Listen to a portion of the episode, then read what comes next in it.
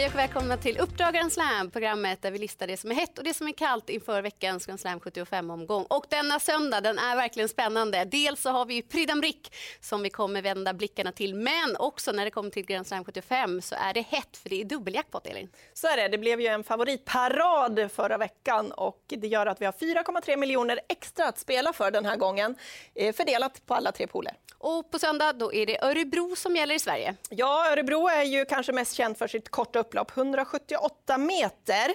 Men det är ingen uttalad spetsbana för det. Vi kommer till det alldeles strax. I veckans snackisar, men vi börjar med första rubriken som lyder Heta tränare. Ja, och vi har ju tittat på eh, tre stycken tränare som har inlett det här året väldigt starkt. Bland annat Anders Svanstedt och Sofia Aronsson med 33 i segerprocent. Och så har vi Andreas Lövdahl som har hela 67 i segerprocent och det är starka siffror. Och så återkommer vi till det vi nämnde tidigare, att det är inte bara spets som gäller vintertid på Örebrotravet. Nej, vi har ju grävt lite i travfakta och där ser vi att 39 procent av vinnarna sitter i ledningen varvet kvar på Örebro jämfört med 43 procent på övriga banor. Och så hoppas och tror vi att det kan vara dags för hög utdelning denna söndag. Dels för att vi har fina jackpotpengar men också för att statistiken när man kollar Grand Slam 75 och Örebro talar för det. Mm. När vi har tittat på medianutdelningen så ligger det på 32 000 på banorna. Men på Örebro där ligger det över 100 000. Och det tar vi med oss när vi ska analysera omgången. Nu vidare i programmet. Här kommer veckans heta. Börjar i den tredje avdelningen där jag tror mest på nummer 10 King K, som trivs väldigt bra i just Monté. Fyra starter har blivit och det har resulterat i två segrar. I de här loppen så har han också visat att han tål att göra mycket jobb på egen hand. Filip de Lucca som tränar hade sitt bästa år hittills som tränare 2023 och jag tror nog att han vill förfina de siffrorna 2024. Och I den femte avdelningen där kommer nummer två Leroy Sané ut som är en stor fin häst som har varit väldigt skadedrabbad i sin karriär. Han eh, har sett väldigt fin ut i årets starter och eh, blir bara bättre för varje lopp. Mikael J Andersson har medvetet kört ganska snälla lopp med honom. Han kommer från en enkel seger där han satt rygg på ledaren och spurtar förbi samtliga över upploppet. Nu är tränaren inne på att vara mer offensiv den här gången. Och från ett bra utgångsläge, spår 2 bakom bilen, så har han visat att han kan öppna rätt så bra. Jag ser honom komma till ledningen här och därifrån blir han svårslagen. Och går vi till den sjätte avdelningen så vill du prata om en häst som det har surrats kring på slutet. Ja, och det är nummer fem, Titon Lindrey, som har superform. Hon har verkligen hittat formen här under vintern. Hon har mött på bra motstånd och säkert fått lite hårdhet av det. Eh, hon möter bra även den här gången, men hittar Jenny Brunzell de rätta ryggarna med henne, ja då kan hon spurta riktigt bra. Och går vi till avslutningen så tycker jag att det är värt att lyfta fram nummer fyra, Chiki Dock, som hade pausat inför den senaste starten. Jag tycker insatsen direkt var väldigt bra och visade fin form. Vreds på i tredje spår 500 meter från mål och bet i bra hela vägen in i mål som fyra bakom vinnande San Sebastian. Vassare med det här loppet i kroppen, trivs bra över aktuell distans och ska ses med fin vinstchans. Och den sista heta hittar vi hos veckans profil, så nu ska vi lyssna till Hans Krevas.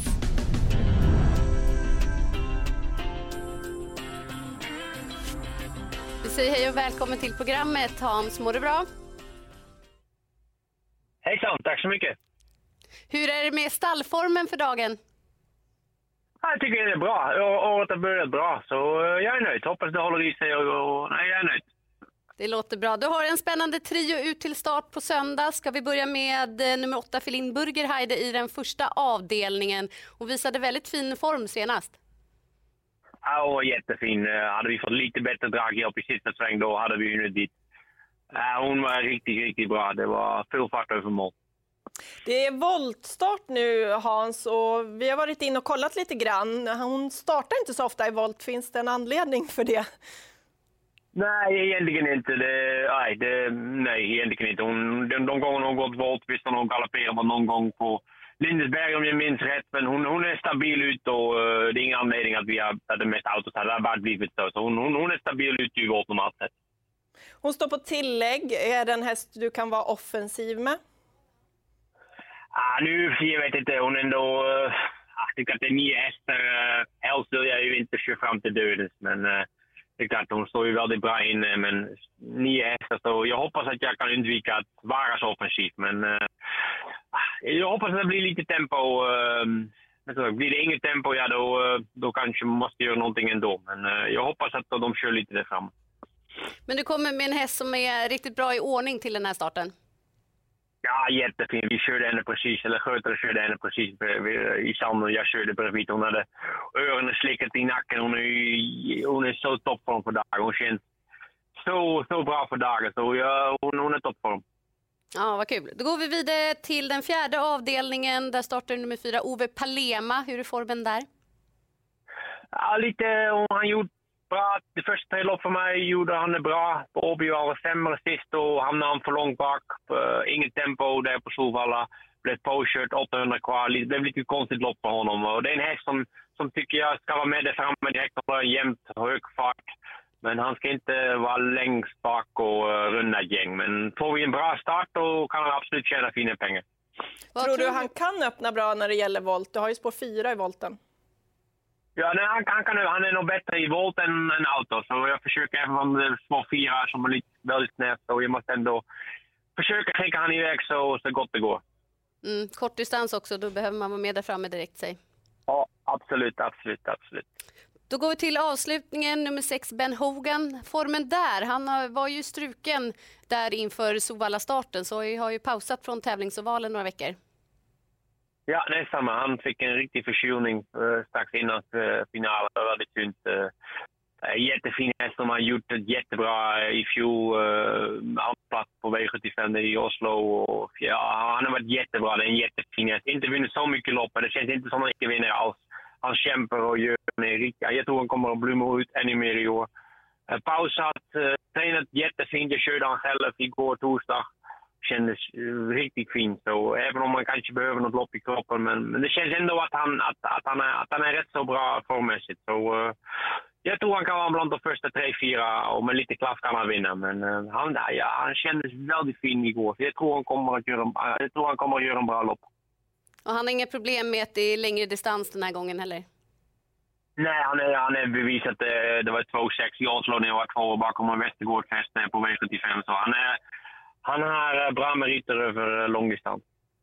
Vilken av din trio har du störst förhoppningar eh, kommer svara för en riktigt bra prestation på söndag? Effelin som jag tror mest på. Mm. Tack så jättemycket för informationen Hans och lycka till. Varsågoda. Tack. Och vi Elin, vi håller ju med Hans. Ja, vi gör ju det. Felin Burger i den första avdelningen. Vi tror ju mycket på henne båda två. Hon mm. har ju strålande form och han verkar otroligt nöjd med henne. Och då tar vi oss vidare i programmet för här kommer veckans Kalla.